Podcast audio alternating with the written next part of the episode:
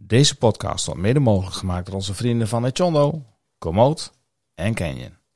Hoeveel kilometer zouden de renners getraind hebben? 5.500 kilometer. 3000. 6600. Ik heb dit jaar 16.000 kilometer gefietst. What the fuck, 16.000 kilometer. Zo ver kom ik nog ineens met mijn auto, man.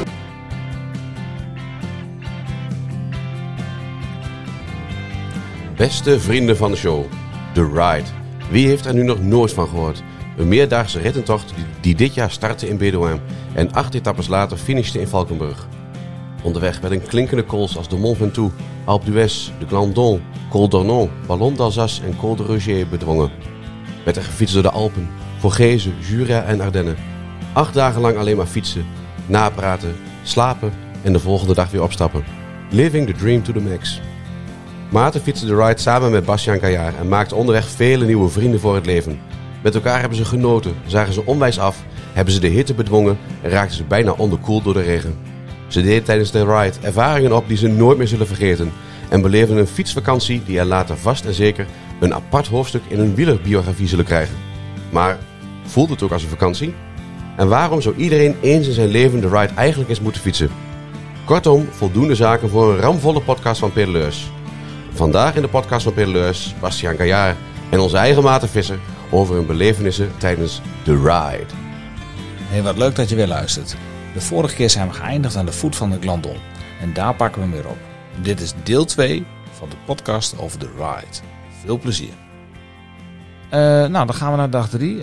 maar voordat we naar dag 3 gaan, eh, we zitten natuurlijk elke dag op een andere camping. En veel al op camping municipals. Eh, ook vanwege de kosten, denk ik. Eh, maar dit was camping SCN Belledon. Daar had ik al een keertje op gestaan in het verleden. Ehm, dus vandaar dat had ik de Glandon ook al een keertje bedwongen.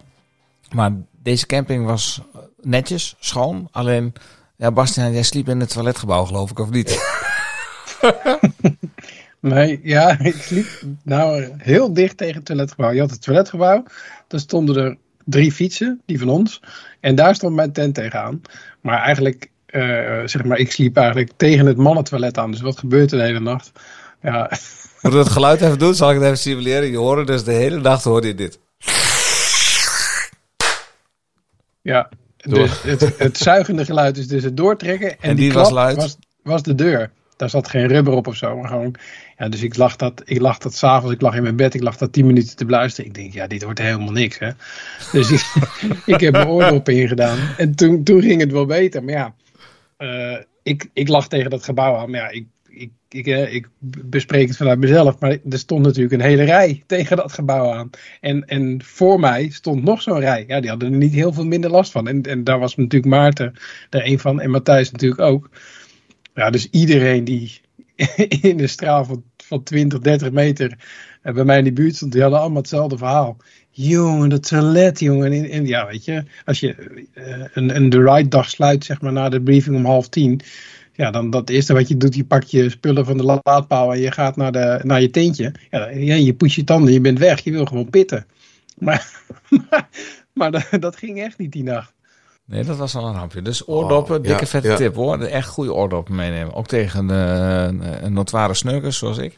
Maar eh, zeker ook eh, tegen ja, toiletten. En je denkt, je hoort, hè, je gaat een keer naar de wc Ja. of je hoort iemand gaan en dan denk je, dat knalt. Dat weet je dan. Dus als je dan zelf gaat, ik ging ook. Ik wist, ik moet, de deur, een beetje, moet de deur een beetje tegenhouden. Trek ik misschien niet door. Nou ja, dat kan. is niet zo fris, maar goed. Dan, hè, dan respecteer je de nachtrust Ja. van een ander wel. Maar ja, als je niet op bedacht bent en, en, Ja. en je hebt het nog niet 63 keer gehoord, ja, Nee, dan... ja, dan klappert jongen. Nou goed. Maar Jij zegt net, de laadpaal. Ik heb een foto gezien of van jou, of van een van jullie twee, over, ook dit is eh de ride. Ja, die had ik gemaakt, ja. Laadpaal aan laadpaal met, met, met eh, navigaties en telefoons. Dat, dat vond ik echt een magistrale foto Ja, trouwens. nee, je moet dus gewoon elke dag je navigatie Ja. opladen. Eh, je Wahoo of je Garmin of je Hammerhead of je, je nou ja, noem maar op. Eh, maar Je natuurlijk lampjes. ook ja, je lampjes, je telefoon, eh, je powerbank. Powerbank. Ja, maar die, die paal heeft niet zoveel wat dat je een powerbank heel makkelijk bijlaat. Precies. Dus wat mensen vaak deden was dat ze s'nachts gewoon gingen laden in het toiletgebouw. En dan was hij de volgende dag gewoon weer, eh, weer klaar. Aan de ene kant ontladen en aan de andere kant... eh, Ja, precies. Dat, dat ja. Maar wij kwamen er wel laat, te laat achter dat ze in de glamping tent hadden ze allemaal zelf eh, hadden ze dus ook eh, eh, stroomvoorziening. Dus eh, Maatje die heeft voor ons een keer een hele nacht de dingen in lading gelegd daar. Dan was het ook gelijk Ja. vol. Dus daar hadden we ook geluk mee. Maar ja, in principe, je zit nooit zonder stroom. Maar op zo'n lange dag van 209 kilometer, ja, had ik wel mijn spullen in het tasje zitten voor VP2. Want je bracht elke Mhm. dag je tasje met extra verzorgingsspullen mee, zodat je dat bij het tweede punt had. Jelletjes en zo, of een jasje. Had ik wel Of een, een eh, broodje. hè. ja, of een broodje. Ik had daar wel eh, mijn eh, powerbank in zitten. Want ik denk, ja, stel nou dat jouw eh wel hoe leeg is. Mhm. Dus, eh, maar wel gered gelukkig. Dus eh, ja, maar ja, goed. eh, dag drie. Eh, ontbeten en rijden. En dan Boek Bassan, meer van Annecy, jouw regio. Dat is wederom, mijn regio, ja. wederom Oh, 133 man. kilometer en 2600 hoogtemeters. Want we begonnen met de Glandon. En laten we eens eventjes eh, luisteren wat eh, Gert Jaap eh, daarvan vond. Gert-Jaap Hoekman. Ja, dit is eh, niet alleen mijn eerste ride. Het is ook eh, mijn eerste keer in de bergen. Is ook mijn eerste keer met meer dan alleen mezelf aan het fietsen voor lange dagen. Dus eh, el- elke dag is weer nieuw. Toen ik vanmorgen opstond voelde ik me best slecht. Benen voelden niet goed. Maar ehm, ik heb wel ontdekt dat ik eigenlijk best wel goed kan klimmen. Dus die Glandon, dat ging wel lekker.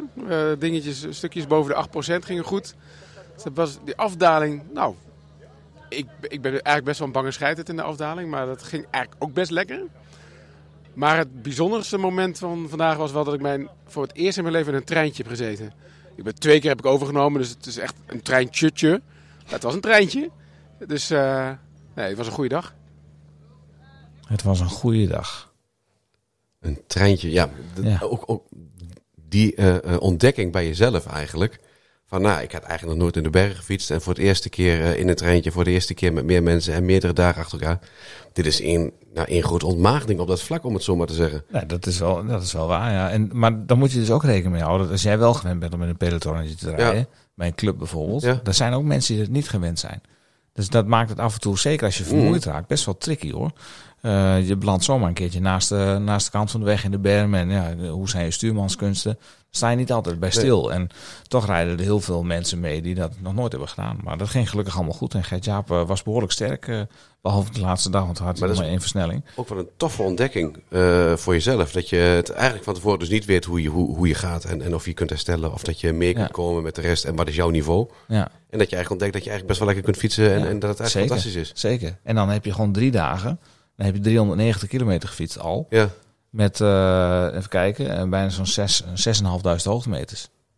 Ja, dat, is, ja dat, dat boezemt vooraf wellicht eh, angst in. Ja, maar dan ga je daarna nog vijf dagen. Ja, je, je, wat Bastiaan ook zei, je stapt in een modus operandi, maar je rijdt gewoon door. Ja. Dat is heel apart. Ja. Hebben jullie het ook allebei... eh, ehm, ja, jullie, jullie zijn, ik kan jullie wel scharen onder, onder de categorie redelijk ervaren fietsers. Eh, in ieder geval eh, heel veel dingen gezien, meegemaakt en, en dat soort dingen. Ehm, zijn jullie gestart met, met eh, angst of met zin of, of een, menge, een mengeling daarvan? Ik, heb, ik ben gestart met heel veel zin en, en niet angst, maar ik was wel huiverig voor die vierde dag. Gewoon puur vanwege het feit dat je drie relatief korte etappes hebt gehad, maar wel met veel hoogtemeters. Dus Mhm. allemaal die klimmen erin. En dan zo'n zo'n zo'n lange dag, die natuurlijk ook niet vlak is. Eh, ja, de- ja, nou ja, weet je, niet, niet angstig, maar ik dacht wel van, eh, ja, als we die door zijn, dan is het, dan is het oké. Ja, nee, Ja. zeker waar. Ja, Dat is zo- zo'n kantelpunt. Als ik ja, dan, ja, dan- ja, als je, ja, je gaat maar, dan denk je van, oh, als ik die vier, eerste vier dagen heb gehad, dan ben ik op de helft. En dan denk je, dan heb ik die 211 kilometer heb ik gehad. Ja. Maar dan denk je, wacht eens even, morgen is 178. ja, het is maar dit, het, het, Ja, nee, het is maar een uurtje, 30 in het uur. elke dag lijkt wel weer zwaarder. Ja, Ja, en dan, ja, behalve dag 6, die was wel, eh, dat was wel een dag waar ik echt naar uitkeek. Nou ja, goed, je verlegt continu je, je, je stip op de horizon, Ja. als het ware. Maar goed, eh, die dag met de Glandon, eh, ja, het klimmen, dat verliep wel behoorlijk pittig. Maar ik moet zeggen, ja, de afdaling van de Glandon, dat was denk Die ik wel, was mijn- briljant. Hè? dat was wel mijn hoogtepunt, denk ik, ja. Of dieptepunt. Ja, het is maar net hoe je het bekijkt. Nee, ja, ik Ja. denk dat jij daar ook eh, de baksteen van Nijverdal eh, als Ja. bijnaam hebt Ja, gekregen. zeker. Eh, als, een, eh, als een raket naar beneden. als er een challenge was geweest, dan had je Ja, dan had 10 ik hem, dan had ik hem, ik had de, de, de, de num- nummer 1 tijd van Strava op die Oké. dag, op de. Op die dag, ja. Ja. Dus niet, niet van het, de, het klassement zeg maar, van de dag gaat alleen van fietsers die de ride op dat moment ehm, eh, fietsen. Maar Maarten had zelfs de snelste tijd van de dag. Ja, dat was, dat was echt eh, geweldig. Ja, dat was leuk. Ja, jij kunt Ja. wel snel dalen inderdaad. Ja. Tenminste, Echt, niet normaal. jij, jij kunt gewoon en, en remmen en sturen. En, en dat maakt ook wel een heleboel. En als je zeker bent in afdaling, ja, dan, dan kun je best gaan. Nee, dat is ook waar. Maar goed, de Glandon is wel een afdaling die staat te boek als gevaarlijk. Dat werd vooraf Ja. al continu gezegd. En dan zullen ook mensen die minder ervaren zijn dan extra aan de remmen gaan knijpen. Ja, dat wat zal. denk ik gevaarlijker maakt. Maar ik had hem al twee keer gereden met, eh, met een mamot, dus ik ken hem al. Eh, hij lag nu droog, dat is ook wel erg prettig. Mhm. En, nou, we waren nu dan wel verkeerd tegen. Kijk, het was 24 minuten 50. Er zijn mensen die gaan nog wel sneller naar beneden tijdens een mamot ook, maar dan heb je geen verkeer. Dus ja, onderweg nog een jasje uitdoen op het stukje valsplat ertussen. Ik denk, ik moet nu Ja, gewoon doorrammen. kan Kijken, kijken hoe ver ik kan komen. En ja, dan ben je gemiddeld 47,5 km per uur. Kom je dan Zo. naar beneden. Ja. En mooi is, ik kwam dus de ambulance of de, de, de speedy, de, de, ja, de rapid eh, responder van het Rode Kruis kwam ik tegen. Maar die reden dan al aan de linkerkant van de weg.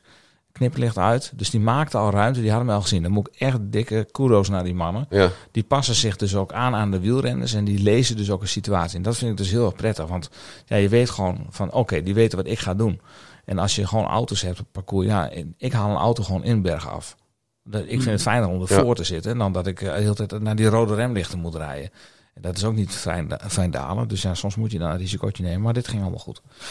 Maar goed, eh, de dag daarna 211 kilometer. Maar we konden ook wel weer een beetje recoveren. Want je kunt elke dag kun je laten masseren. En eh, we hebben even eh, op die dag, dag drie, hebben we ons laten masseren. Jij ook, Bastiaan. En eh, volgens mij Ja, ben jij bewust, hè? Ja, bewust. Ik zei tegen jou, we hebben nu drie, drie eh, relatief zware dagen gehad. Die van 2.10 komt eraan. Dit is het moment om op de massagetafel te gaan Ja. liggen. En toen ging je op de tafel liggen bij, eh bij Marcia.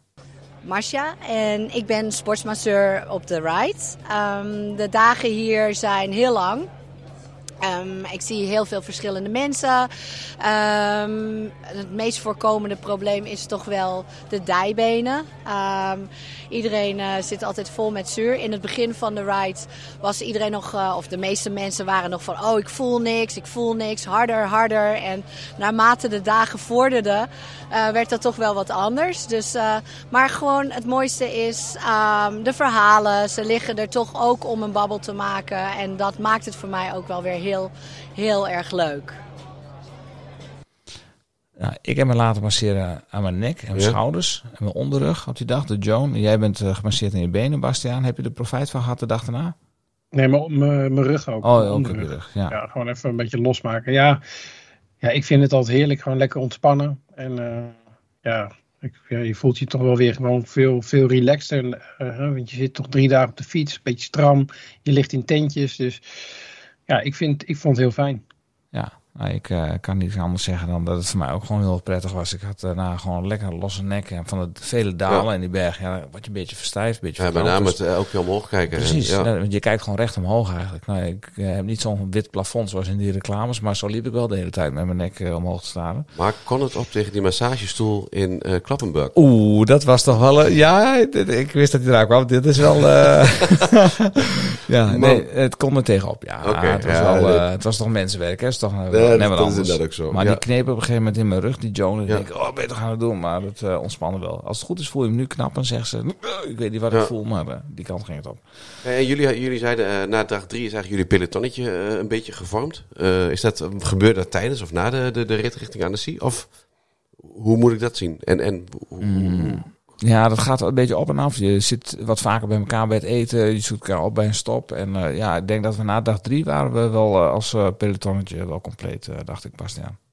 Ja, en dat, dat komt ook door de route. Vorig jaar reed ik ook met een clubje mee. En ehm, eh, vorig jaar was er maar één dag met een, met, met een klim. Hè. Col de la Madeleine was de start. En daarna was het gewoon, waren de etappes vergelijkbaar met, met de etappes die wij hebben gehad. Zeg maar 4, 5, 6, 7, 8.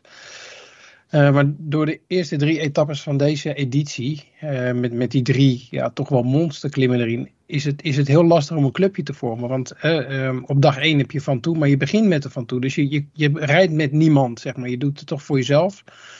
En dag twee afsluiten met al op, ja, weet je, je doet het eigenlijk allemaal voor je jezelf. eigen Dus je op een gegeven moment- ja. iets Ja. vlakker heb, of, of inderdaad dat, dat de, percentage, het- de percentages iets vriendelijker zijn, ja, dan vormen zich clubjes. En, en ja, ja, Maarten, wat Maarten zegt, eh, hè, je, je, je vormt het heel natuurlijk en, en je komt onderweg iemand tegen met wie je dan wel eh, samen fietst. Ja, weet je, en dan kwam Maarten bij mij zitten bij het eten en dan waren we, weet je wel, dus zo werd de tafel steeds voller. Ja, goed gevulde tafels. Ja, ja, ja. Ja, dat waren ze zeker. Ja, maar dat is minstens zo belangrijk volgens mij, die goed gevulde Zeker. tafels. Absoluut. Nee, dat is zeker waar. Eh, maar we zaten daar dus bij Annecy, meer van Annecy. Ook wel gek om daar te zijn zonder je gezin, terwijl Ja. je er zelf wat vaker ben geweest. Maar dan komen we bij dag 4. eh Annecy eh, naar Onans, 209 kilometer en de we- 2810 hoogtemeters, maar geen steile pukkels meer, maar Nee. van het eh, langzaam omhoog lopende gebied. En er werd regen voorspeld en het, eh, het werd eh, ja, zwaar in de, in de Jura. En eh, we spraken eh, Perry Salet na afloop om zijn bevindingen eh, met ons te delen. Perry Salet. Nou ja, vandaag was eh, etappe nummer 4, de Jura. En eh, wij gingen 210 kilometer fietsen met 28, 20 hoogtemeters. Ehm, s morgens vroeg krijg ik van mijn vrouw altijd een, eh, een berichtje mee. En daar staat ook altijd een spreuk op. En de spreuk was: Een slechte dag betekent nog geen slechte ride. Nou, dat heeft er natuurlijk mee te maken dat, eh, dat het een hele zware etappe was. Een van de zwaarste qua kilometers. Ehm, ja, waar zijn we naartoe gegaan? We zijn naar de Jura gegaan. Waar we eigenlijk verwachten om met eh, regen te vertrekken.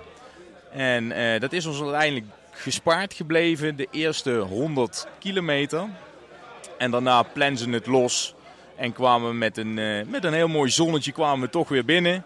Vermoeid. Eh, van de 11 vertrekkende was er één eh, afgehaakt helaas.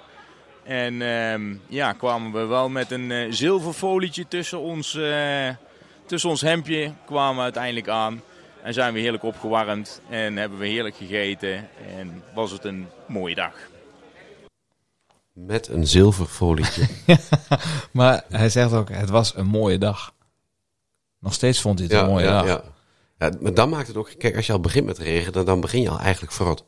Ja, nou dat hadden we dus niet. Dat hadden we de dag Ja. daarna. Maar, dat, maar dat, inderdaad, dat is ook zo. Want dan, ja, oké, je bent toch aan het fietsen. Eh, en als je gaat klimmen in de regen, dat vind ik niet heel erg. Want dan word je toch wel warm en droog je wel een beetje op.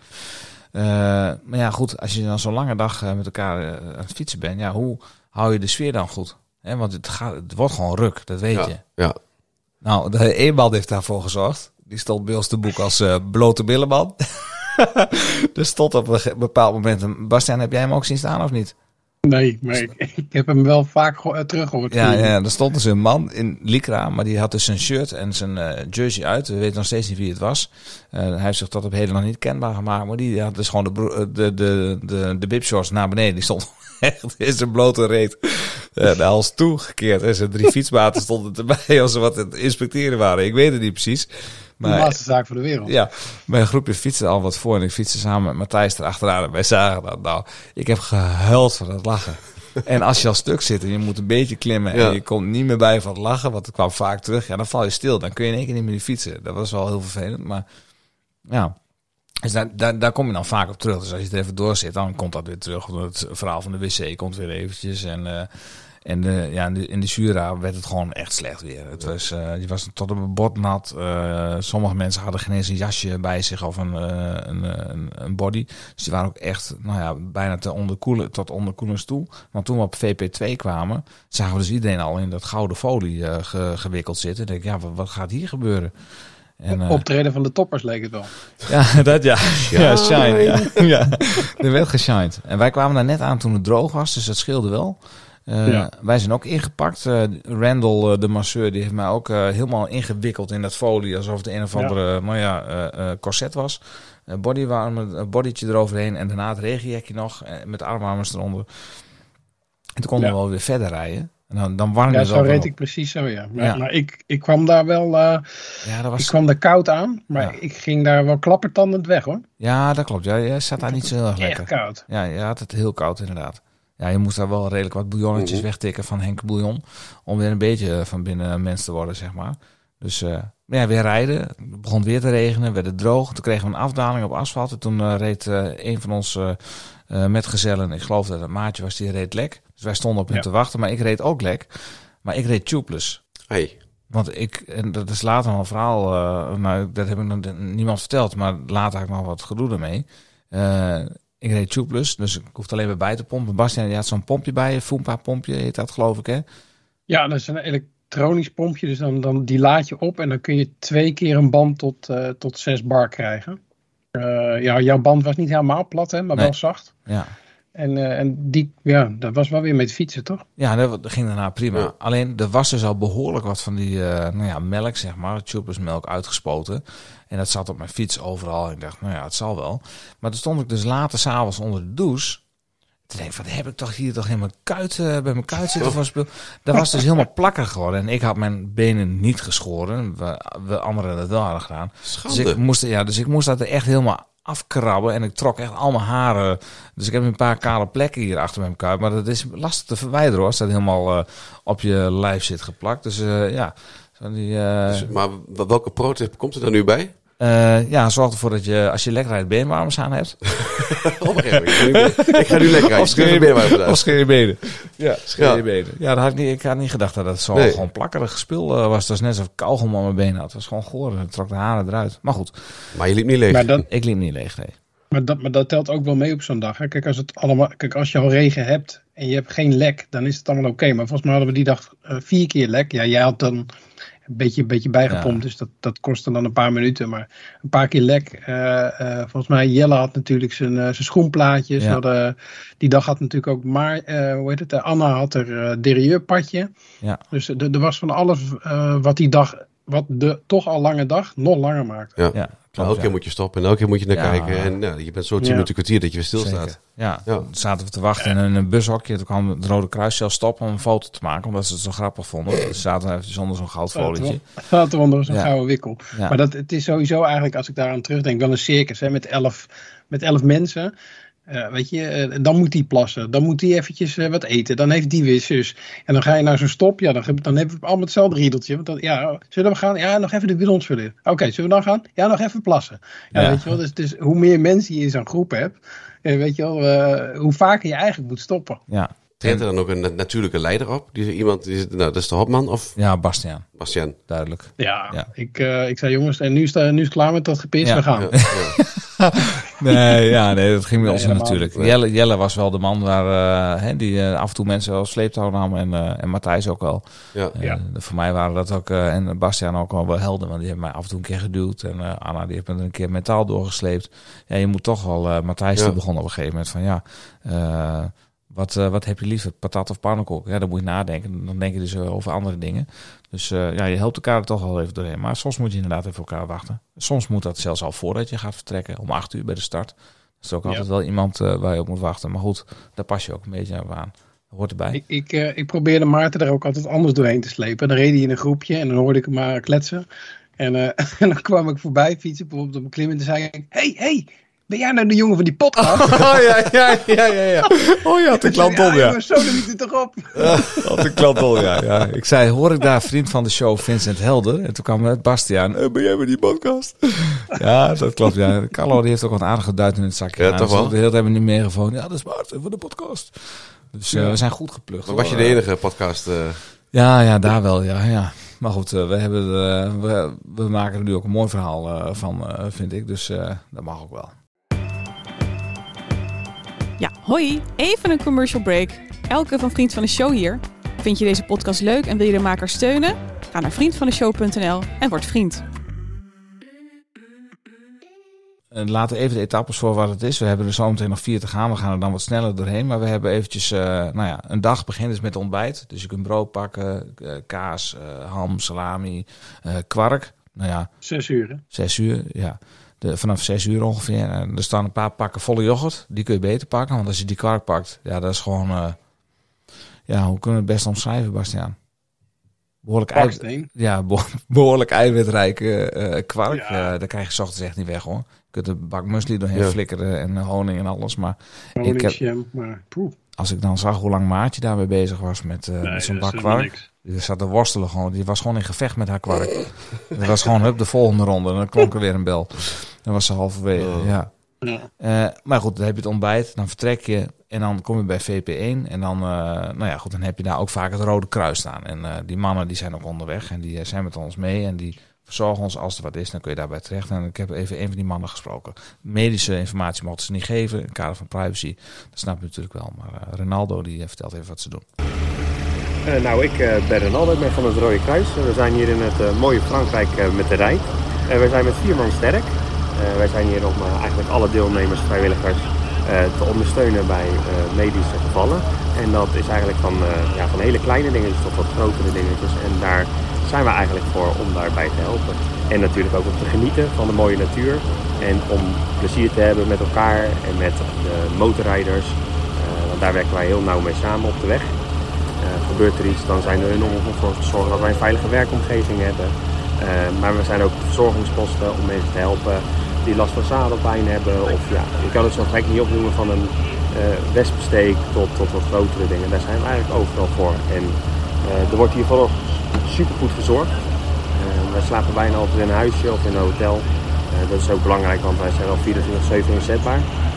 En we draaien hele lange dienst. Dan zijn ze morgens vroeg zijn we, morgens vroeg zijn we er en gaan eigenlijk door tot ja, soms 11 uur, 12 uur. En dan krijgen we s'avonds nog een belletje van, eh, ja, kan je nog even bij die en die kijken? En dan doen we dat eigenlijk.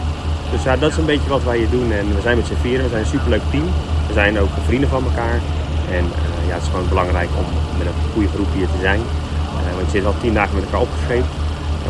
En dat is belangrijk. Wel een romantisch geluidje op de achtergrond. Ja, dat was het aggregaat. Of, eh, of eh, nee, de ambulance die stond daar stationair te draaien. En eh, die moest de airco aanhouden, geloof ik. Eh, Maar is er veel beroep gedaan op ze? i- Zijn, nou, zijn er trouwens eh, heftige ongelukken gebeurd? Niet, niet dat ik het hoop hoor, maar... Eentje. eentje, ja. Oké. Een heftig ongeluk gebeurd Ja. met een aanrijding. Wilde een auto wilde een trekker inhalen en dat, ja, dat ging niet. Dat paste niet. Nee. En toen, eh, ja, dan, dan, als je dan in een pelotonnetje rijdt eh, en, eh, en, de, sp- en de spiegel van de auto raakt een, een deel van het peloton, ja, dan is het natuurlijk al gauw mis. Oh. Gelukkig, eh, eh, eh, ja, achteraf kun je zeggen zonder erg, maar eh, wij reden er langs. eh, en dat zag er niet heel erg fijn uit. Nee. Eh, maar gelukkig eh, eh, eind goed, al goed. Ja. Ja. maar dan schrik je wel even. Dan ga je de, de komende kilometers rij je toch wel even anders. Ja, denk dat ik. was Ja. vlak, vlak, voor, vlak voor VP2.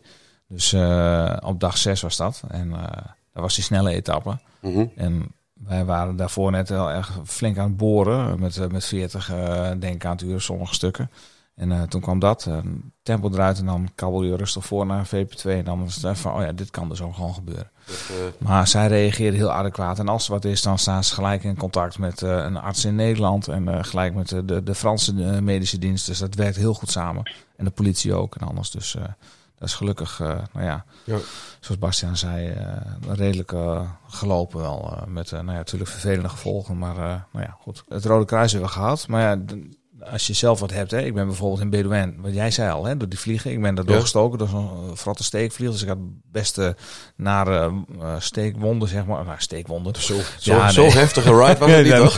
het was een samurai vlieg. Nee, maar eh, ja, ik ben allergisch voor die blinde vliegen. Dus dan krijg je behoorlijk eh, ontstoken Ja. stukken met veel vocht. Dus dan hebben ze de azaron of eventueel wat anders, allergiepilletje. Eh, maar ze hebben voor die laatste dagen hadden ze wonderzalf. Dat wilde iedereen hebben. Heb jij het ook gehad, Bastiaan, wonderzalf? Ik had het gelukkig niet nodig. Nee. Ik ben eh, ongeschonden de strijd uitgekomen. Ja, ja, nou je weet nog, uh, rectum aas, de, de rosbief Mhm. in de bak mayo. Nou die kant ging het weer op, maar ik heb gewoon op een gegeven moment een potje chamois crème gewoon bij me gehad. Elke keer dat we stopten, niet alleen bij de posten, maar ook bij plaspauzes, hup, gelijk smeren, smeren, smeren. Bleef Eh, op zitten. en ja, en dan gleed ik bijna van het zadel af. Maar ik had dan die wonderzalf en dat werkte zo goed. Maar dit was aan de lopende band kwamen er weer mensen aan. Hup, dan werd er weer zo'n doekje dichtgevouwen en er zat er weer wat van de groene smurrie tussen. Ik heb later wat in een potje laten drukken. Dan had ik het zelf bij me. Dat was ideaal. Eh, maar dat werkte heel goed. Maar dat is als je zelf wat hebt. Maar als je fiets wat hebt, dan staan er ook, eh, eh, nou ja, medewerkers van Shimano Service Center, eh, van Koppel Bike Shop. En die staan dan fietsen te repareren. En eh, we hebben hen ook even gesproken van wat maken zij nou zoal mee. Het gesprek hebben we opgenomen in uh, Annecy. Tom Hoekstra, Koppel Bike Shop. Mirko, Koppel Bike Shop uit Amersfoort. Ja, we zijn nu uh, op dag drie en we hebben best wel dingen meegemaakt. We hebben al diverse wielsets eh, vervangen. Vooral eh, weer de oude vertrouwen carbon velgen met, eh, met iets te lange afdalingen gaat goed. Ehm, verder hebben we wat aandrijflijnen vervangen en eh, de 1134 cassette is eh, behoorlijk in trek. Op de eerste dag eh, komen we natuurlijk de meest gekke dingen tegen. Bijvoorbeeld mensen die een eh, 140 remschijf monteren, maar dan een 160 setup daaronder zetten. Wat eigenlijk betekent dat je niet kan remmen. Dit alles gedaan door een eh, ja, welbekende fietsspecialist die we niet bij naam gaan noemen. Nou, zij eh, maken er nog een dolletje van. Ja. Maar jij stelt er maar komen en denk ik, ben goed voorbereid. Ja. Ja. jij weet hoe het gaat bij Tecklenburg Groentvaart. Er komen er ook mensen bij hè, en die zeggen, heb je nog een achterwiel voor me? Bijvoorbeeld, weet je wel. Dat. Het is de best geprepareerde fietsen ever. Ja, ja. Ja. Dus, eh, maar ik heb eh één keer heb ik schoenplaatjes moeten halen. Want schoenplaatjes die werden daar ge- opgegeten. Dit is echt, je loopt vaak over stenen daar. Dus tip, neem extra schoenplaatjes mee. Eh, want die gaan behoorlijk eh, snel erdoor. Maar die jongens stonden elke keer met een grote glimlach iedereen te helpen. Ze stonden s ochtends vroeg al klaar. Tot laat in de avond hebben Ja. ze gesleuteld aan fietsen. Ze hebben wonderen verricht. Dus eh, echt eh, dikke kudos. Ja, daar kun je wel heel blij mee zijn. Ook, wat, wat zei je, Robert? Ik zeg, maar daar kun je soms wel ontzettend blij mee zijn. Ja. Ja, zeker. Maar die, maar die gasten die maken echt lange dagen. Want, want als wij weg willen, staan ze klaar. Dan, dan, dan, hè, dan ruimen ze alles op. Dan duiken ze de auto in om, om naar die verzorgingspost te gaan. Ze, ze helpen je onderweg nog. Eh, eh, ze staan er, zeg maar, als jij weer terugkomt op de camping. En vervolgens heeft iedereen gegeten. Die denkt, goh, ja. Oh, er is toch nog wel wat met mijn fiets mis. Dan, dan staan ze nog een keer. En, en ja, weet je wel, dat, dat al die dagen lang. Dus die gasten, ja, eh, die gasten hebben echt ook een, een zware week hoor. Ja, dat soort kleine dingen, die lijken altijd zo vanzelfsprekend. Oh, er is wat met mijn fiets, ik ga daar naartoe. Oh, ik heb Ja. even een pijntje hier, ik ga even naar de, naar de masseur. Of oh, ik heb even wat, ik moet even naar het Rode Kruis. Ze zijn er altijd. En, Ja. en, en ik denk dat het echt wel onderschat wordt hoor. Want Nee, het is zo'n belangrijk onderdeel Zeker, volgens mij van zo'n eh, van zo'n eh, meerdaagse tocht. technisch malheur is eh, behoorlijk vervelend. Ja. Ja. Eh, nou, d- dat zijn dus mensen die je niet kunt missen. Wie je ook niet kunt missen, dat is Tineke. Die zit bij de finish. En Tineke is een, eh, een dame die al heel wat jaren meegaat met de ride. Je moet je elke dag, moet je, voor vertrek, moet je aanmelden. En je moet je ook afmelden als je finisht. Maar ook bij elke verzorgingspost moet je je melden. Van 140 meldt zich, 140 meldt zich. En, dan, eh, en als je zegt van ik stap af, dan wordt je naam doorgestrepen. Dan weten ze waar je uithangt. En Tineke is dan dat het noemen ze eh, registratie. ja, registratie. Ja, wat zei ik dan? Aanmelden. Ja, Aanmelden. ja registratie. En Tineke heb ik ook even gesproken. Zeg, gewoon, Maar als je, als je dat vergeet aan het einde van de dag, dan trekt ze je s'nachts uit de tent. Ja, dan, eh hey, eh, trouw- dan hey, eh, ambras met, eh met Tineke. Dat, dat wil je niet hebben. Nee, ja, of ze gaan je bellen. Ja, dat Van waar vooral. ben je? En ze gaan ze je zoeken in het ergste geval. Ja. Ja. Eh, Tineke. Ik ben Tineke. Dat wou je horen, hè? Ja, ik ben Tineke en ik eh, ben mee met eh eh, de, de, de ride. Voor de zoveelste keer, ik weet niet meer hoe het gaat. Heel veel de eerste keer. Ik ga heel vaak mee. En eh, dit jaar doe ik de registratie op de camping. S morgens voordat we vertrekken moeten alle fietsers zich melden. En dat noteren we dan. Ellen en ik samen. En als ze aankomen smiddags op de camping, dan schrijven we het weer op. En dan kijken we of er eh, mensen ontbreken. En die worden dan door de notaris opgezocht.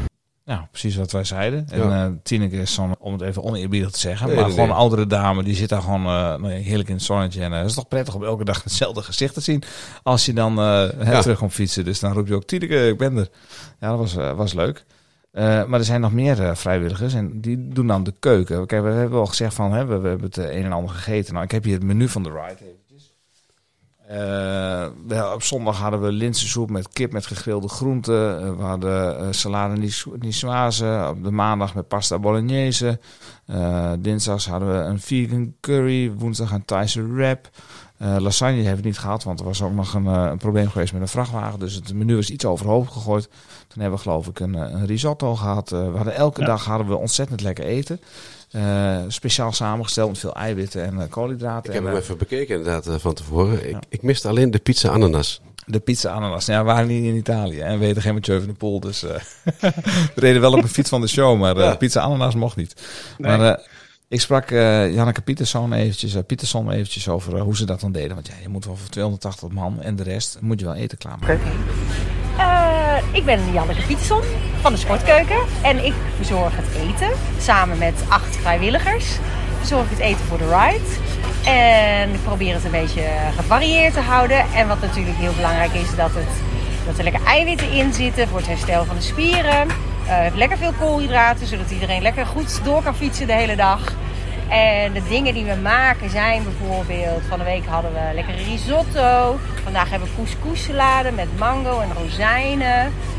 Eh, wat hebben we nog meer gehad? Heerlijke vegan, vegetarische curry hebben we gehad.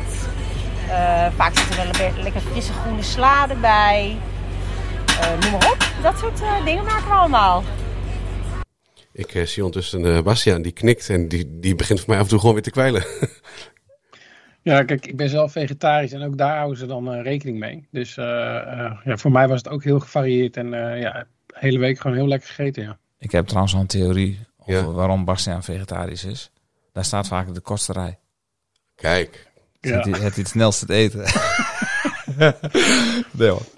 Nee, dat viel mee. Want Nee. Bij mijn rij hadden ze ook het gewone eten. Ja, precies. precies. Dat was Ja. de tip van jou. Ja. Nee, eh het eten was allemaal hartstikke lekker. Eh, ja, ik moet wel heel eerlijk zeggen, die risotto die was niet tevreden. Dat was echt, eh, nee. nee, dat heb ik Janneke ook gezegd. Ze zegt, wat ga je hiermee doen? Ik zeg, nou, ik ga dan zeggen dat die, dat die risotto niet te nasso was. Ja. Ik hou niet zo van risotto. Dat heb ik geweten ook, want die dag daarna was ik, eh, lag ik er behoorlijk af. Ja ik, Ja. ik vond al het eten fantastisch en lekker. Maar de risotto zat gewoon iets te veel bleekselderij, geloof ik. En dat, Oh, ja, eh, daar haak ik ook af. ja, dat is een eh, dingetje. Maar ook dan moet je maar blijven eten. En dat blijven eten, ik vond het wel lastig, hè Bastiaan? Eh, nee, ja, ja. Ik had, ik had s'avonds wel gewoon, op een gegeven moment, dan was ik gewoon vol, weet je wel. Dan had ik genoeg. genoeg.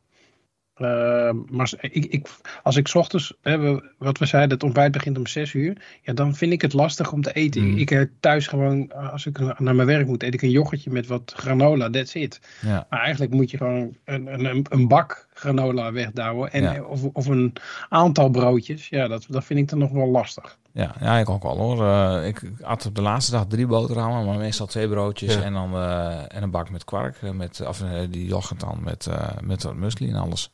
Maar ik kan me voorstellen, als je niet echt gewend bent om, om elke dag eh, eh, een goed of volledig Mhm. ontbijt eh, weg te tikken, dat je daar op een gegeven moment eh, dan wel ook moeite mee krijgt. Helemaal als je dan moe bent en weet wat, wat er die dag weer komt. En, Ja. ja. Maar je kon Ja. ook, dat deden ook mensen, je kunt zelf heel veel koffie pakken en ook thee, want er zijn van die grote, eh nee, van die, van die kraan- ja. ja. dat ja. Eh, maar er waren ook mensen die hadden dan niet gewoon, want je moest je eigen bord en bestek meenemen vanwege het duurzaamheidskarakter. Maar er waren ook mensen die hadden gewoon van die metalen bakken met zo'n hengseltje eraan. En die gooiden ze vol met havermout en dan pompten ze gewoon kokend water bij. En dan had je gewoon een goed ontbijt uh, havermout. Dat heb ik nooit gedaan. Ik zag dat pas op de laatste dag. denk ik, shit, dat had ik ook kunnen doen. Ja. Maar Ja. ja, ja maar dat, eh, ik zag Mirko dat doen van, eh van Koppel Bike Shop. Dus is ook Ah, slim. Ja, kun je ook doen. Eh, koffie en thee is natuurlijk uit die potten, maar magistrale koffie was er ook. En eh, normaal staat Bas daar altijd koffie te tappen, maar ik dacht van ja, ik moet natuurlijk wel magistrale koffie wel, koffie wel weer even in de podcast hebben. Maar we wachten gewoon net zo lang totdat Bas naar Gravelen gaat, want dan kunnen we eindelijk een keer de echte ster van magistrale koffie, Melanie, spreken. Nou, ik ben eh, Melanie van Il Magistrale Koffie. En ehm, ja, ik ga dagelijks mee met eh, het peloton, zeg maar. S S'morgens koffie op de camping, dan snel inpakken. Onderweg op VP2 een lekker koffietje verzorgen voor eh, de wielrenners. En dan als een gek weer terug naar de volgende camping. En dan openen we daar de bar. En s'avonds na het eten lekker een kopje koffie. En wordt erg gewaardeerd door de renners. Ehm, vooral op koude dagen. En ehm, ja, eigenlijk is het uh, geen wat we schenken heel divers. Uh, van een uh, lekker espressootje tot uh, de Dirty Harry. Is wel een, een hit geworden deze week. Is een dubbele espresso met warme chocomel. En um, ja, ik moet zeggen dat het erg gewaardeerd wordt wat we doen hier. Dus daar worden wij heel blij van. De Dirty Harry, dat was een hit. Ja. Nou, wanneer drink jij chocomel? Nou, alleen als het uh, ijs en ijs koud is. Nou, precies. Nou, dat was het ook. Toch, Bastiaan?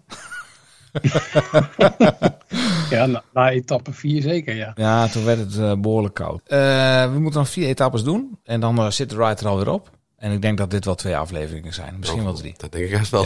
Ja, uh, dus laten we gauw verder gaan. Uh, dag vijf. Uh, ja, dat was voor mij een mindere dag. Uh, want toen begon het met regen. Uh, Bastiaan, hoe was die dag voor jou? Uh, ondanks Zonrup Longmer? Nou, ik, ik had dag vier wat minder voorbereid. Uh, omdat ik mijn regenjasje pas op VP2 had. En daarom had ik het natuurlijk ook koud en, eh, en was ik wat minder, eh, ja, ging het gewoon wat minder. Eh, eh, maar dag vijf dacht ik, nou ja, dan begin ik nu goed. Dus ik had mijn, mijn overschoenen aan, ik had een lange broek aan, eh, mijn regenjack. Dus ik was al gelijk goed, eh, goed ingepakt. Eh, en dat ging, eigenlijk, dat ging eigenlijk heel voorspoedig, ging, ging allemaal hartstikke goed. Tot, ehm, eh, tot VP2 eigenlijk. Want eh, eh, VP2 was bovenop de Ballon de Assas. Dat was ook de challenge van die dag. En toen dacht, ik, toen dacht iedereen van, ja, we zitten hier nu allemaal in die regenkleding en die warme spullen. Laten we dat dan Anna meegeven. Anna was ondertussen al afgestapt. Die voelde zich, ja, die dacht ik sla even een dagje over. Ik, zit er niet lekker in. Nou, dat kan. En wij waren daar, maakten daar gebruik van. Dus eh, alles aan haar afgegeven en gewoon in de, ja, in de, in de bibshorts en in, de jersey omhoog gefietst. maar, maar eenmaal boven, ja, het, begon daar ook weer te regenen en het, begon, en het waaide verschrikkelijk. Dus ja, ik, ik was heel blij dat Anna alsnog weer boven stond, zodat ik op de top weer alles aan kon trekken. Maar, maar ook daar stond ik weer eh, te klappertanden van de kou. En ja, zoals je weet, als je de ballondos was op bent gegaan, moet je van de andere kant er ook weer af. Nou, dat was, was echt eh, verschrikkelijk. Daar heb ik wel eh, een paar keer gevloekt. En toen heb ik ook wel, wat, wat jij misschien op eh, kilometer drie had richting uh, Mont Ventoux, had ik in die afdaling dat ik dacht van, ja, wat ben ik nou eigenlijk aan het doen? Ja, zo'n dag was het wel, hè? Oh, dat is wel heftig, Ja. hoor. Ja. Ja, en eh, heeft hem ook eh, beleefd. Laten we eens even luisteren hoe hij hem beleefd had. Sebastian Kretier, dag 5 van de rijd. Vandaag 182 kilometer gereden, waarvan 3440 hoogtemeters. Ik zie net dat ik er 7,5 uur over heb gedaan. Eh, het was eh, een wisselvallige dag in de zin van het weer. Het begon met regen, of tenminste het eerste half uur, drie kwartier was het droog. Daarna regen, stortregen, harder dan gisteren zelfs nog. Uiteindelijk werd het droog kwam de zon er zelfs door. Eh, lekker gereden eigenlijk wel. De challenge echt opgevlogen, voor mijn gevoel. Eh, ik ben heel benieuwd naar de uitslag eerlijk gezegd. Voor het eerst van de week. Eh, einde van de middag was wel, eh, ja, hoe zeg je dat? Het vet van de soep af. Na de, na de, na de challenge, het was echt echt hard, nou niet hard omhoog, maar weinig echt over nog. Maar we hebben het gehaald, dus ik ben eh, echt heel blij dat ik binnen ben. Want het was echt wel een hele zware, zware etappe. Ik heb ook echt het gevoel dat dit de zwaarste editie van de rijd is waar ik aan heb meegedaan eh, wat dat betreft. Maar morgen gelukkig rustige dag. Met maar duizend hoogtemeters begrijp ik, dus dat eh, komt helemaal goed. Dus dat komt helemaal goed. Maar? Nou, ja, dat, dat horen we zo wel. Maar het kwam voor mij die dag niet helemaal goed. Dat was ook de dag dat ik zei dood. Dat is na dag vijf, heb, daar Ja. heb je nog over. Ja. Ja. Nou ja, eh, Sebastian, die, die klinkt ook eigenlijk al, al Ja, precies. En- zwaar. En, en nou ja, daar kon je aan de stem horen dat het gewoon een zware dag was geweest. Dus ik ben heel benieuwd naar jouw stem. eh, Ja, nou ja, ik, heb, eh, ik kan het nu al vertellen, maar ik, heb, ik ben in mijn tentje gekropen en ik heb de microfoon gepakt. Ik denk, dit moet ik gewoon nu even inspreken, anders raak, ik- ben ik dat gevoel kwijt. Anders, anders kwijn ik dus weg. Even, even, een, even, een, even een korte monoloog. Ik kan natuurlijk altijd nog even in knippen, maar ja, ik kan je alleen maar laten horen wat mijn ervaring is van die dag. Oké, ik lig in het tentje op de camping in Sierra. Ik ben voor het eerst van de, zes, van de vijf dagen eerder binnen dan de rest. Het heeft niet te maken met mijn geweldige fietsprestatie, maar met een eh, DNF. En, ehm, het was een dag, nou ja, jullie hebben Sebastian net kunnen horen, waarbij eh, eigenlijk de elementen een grote rol hebben gespeeld. En ehm, ja, en mijn dag begon eigenlijk een beetje warrig. Vanmorgen werd ik wakker gemaakt door Matthijs eh, Takema.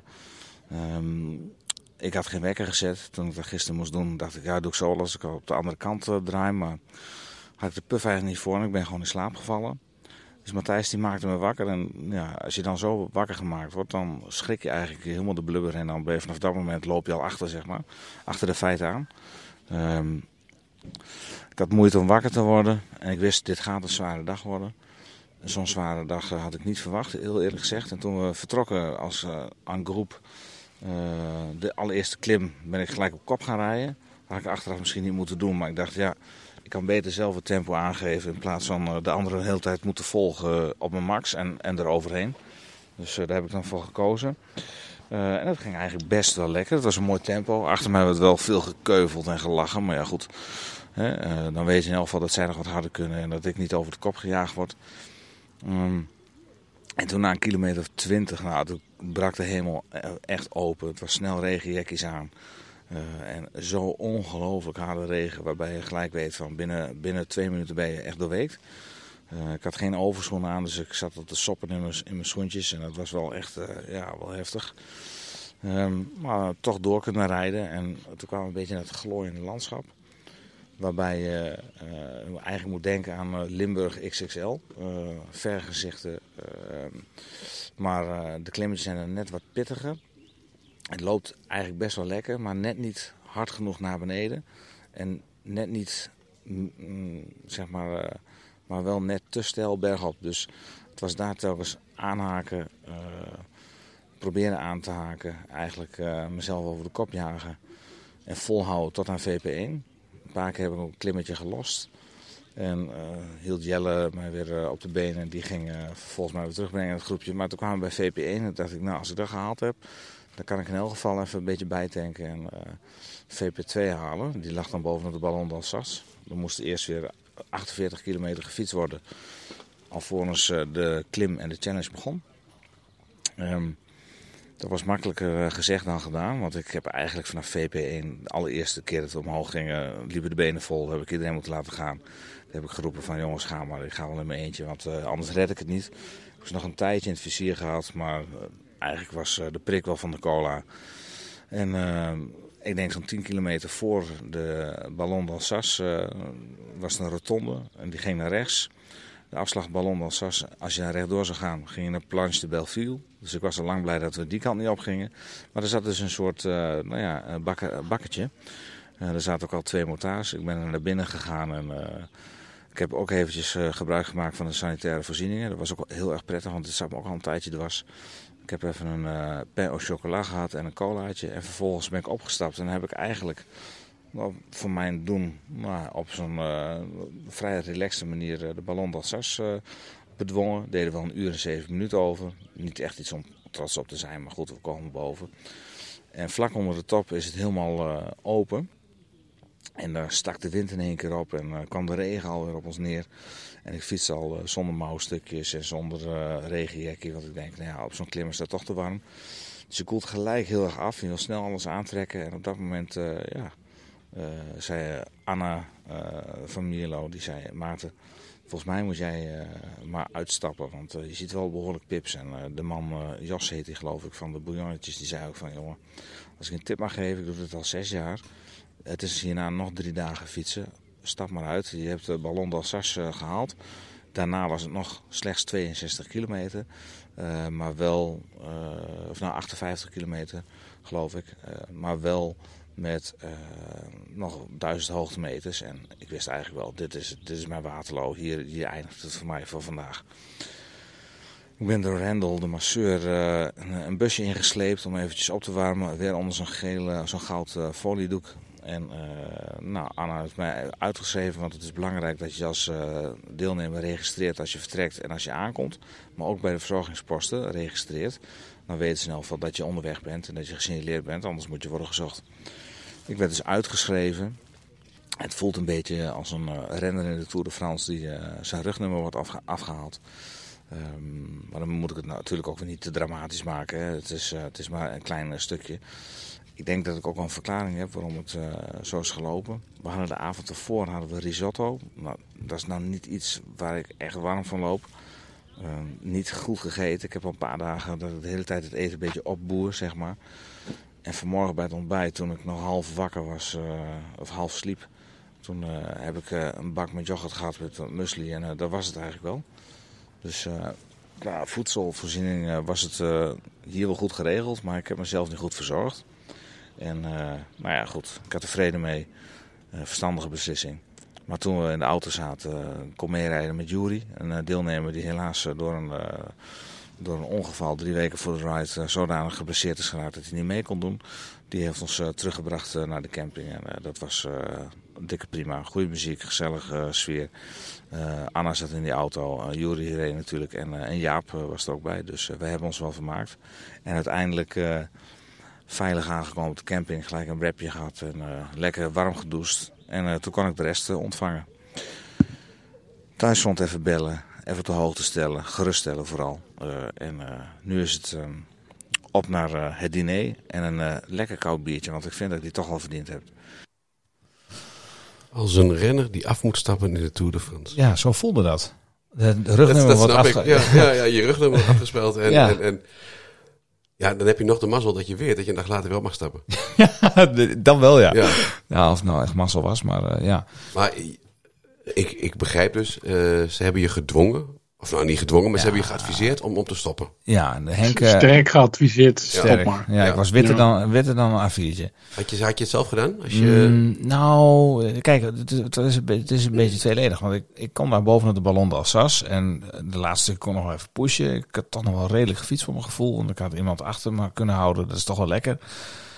Maar toen kwam ik daar en toen was ik eigenlijk, uh, ja, dat was wel een signaal. Ik zeg, god man, hoe hebben ze dit nou kunnen doen? Twee zulke etappes achter elkaar. En echt god geklaagd, zei ik. Dat kan niet. Ik zat af te geven ja, ja, tegen ja. Sebastiaan. En, en eigenlijk was dat wel het eerste teken al. En uh, toen kreeg het heel koud. Toen begon het weer te regenen, horizontaal. De rest ging naar beneden. Die hadden wel op mij gewacht. Dat vond ik wel heel erg tof van ze. Maar ja, toen zei Anna, volgens mij moet jij stoppen. En toen zei Henk van de Biljon, jij moet gewoon uitstappen. Je moet nog drie dagen. En dan, moet, dan is het goed dat mensen, dan, dan merk je pas hoe goed ze op je letten. Ja. En dan hè, je adviseren van wees nou verstandig. En dan ben ik doorgaans ook wel. Maar uh, dat was toch al. Uh, dus ik ben nog heel blij dat ze dat gedaan hebben. Dus, ja. ja. Ook, het is wel grappig. Hè? We kunnen ook wel een parallel trekken naar. zoals je weet had ik GPS-dienst tijdens de ride. jij appte aan Robert dood.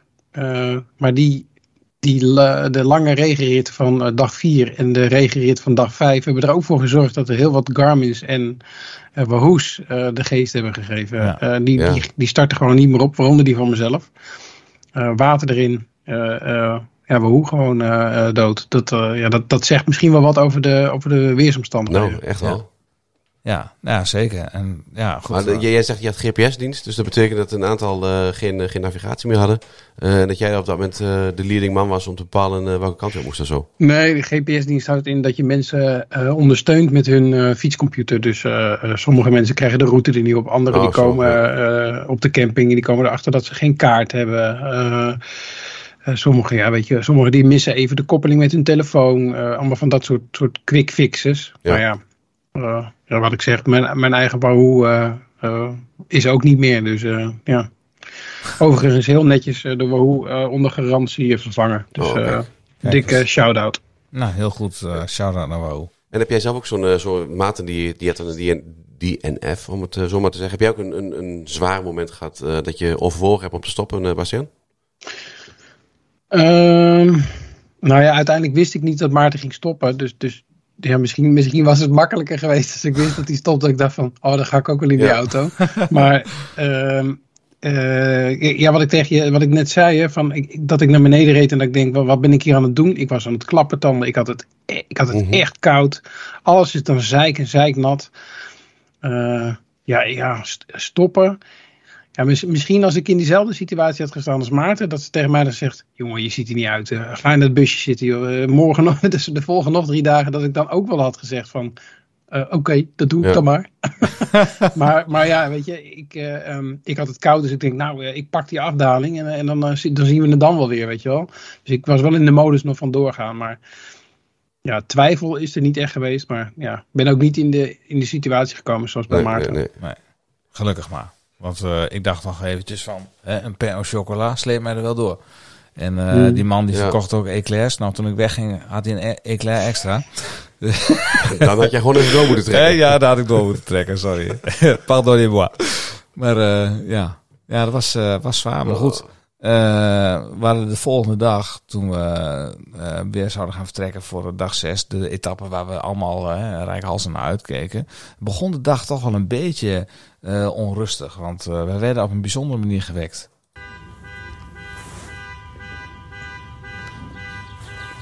Er ging een autoalarm af. En hoe lang ging dit door, Bastiaan? Ja, minutenlang. Dat je echt ja. dacht van... Hoe kan dat?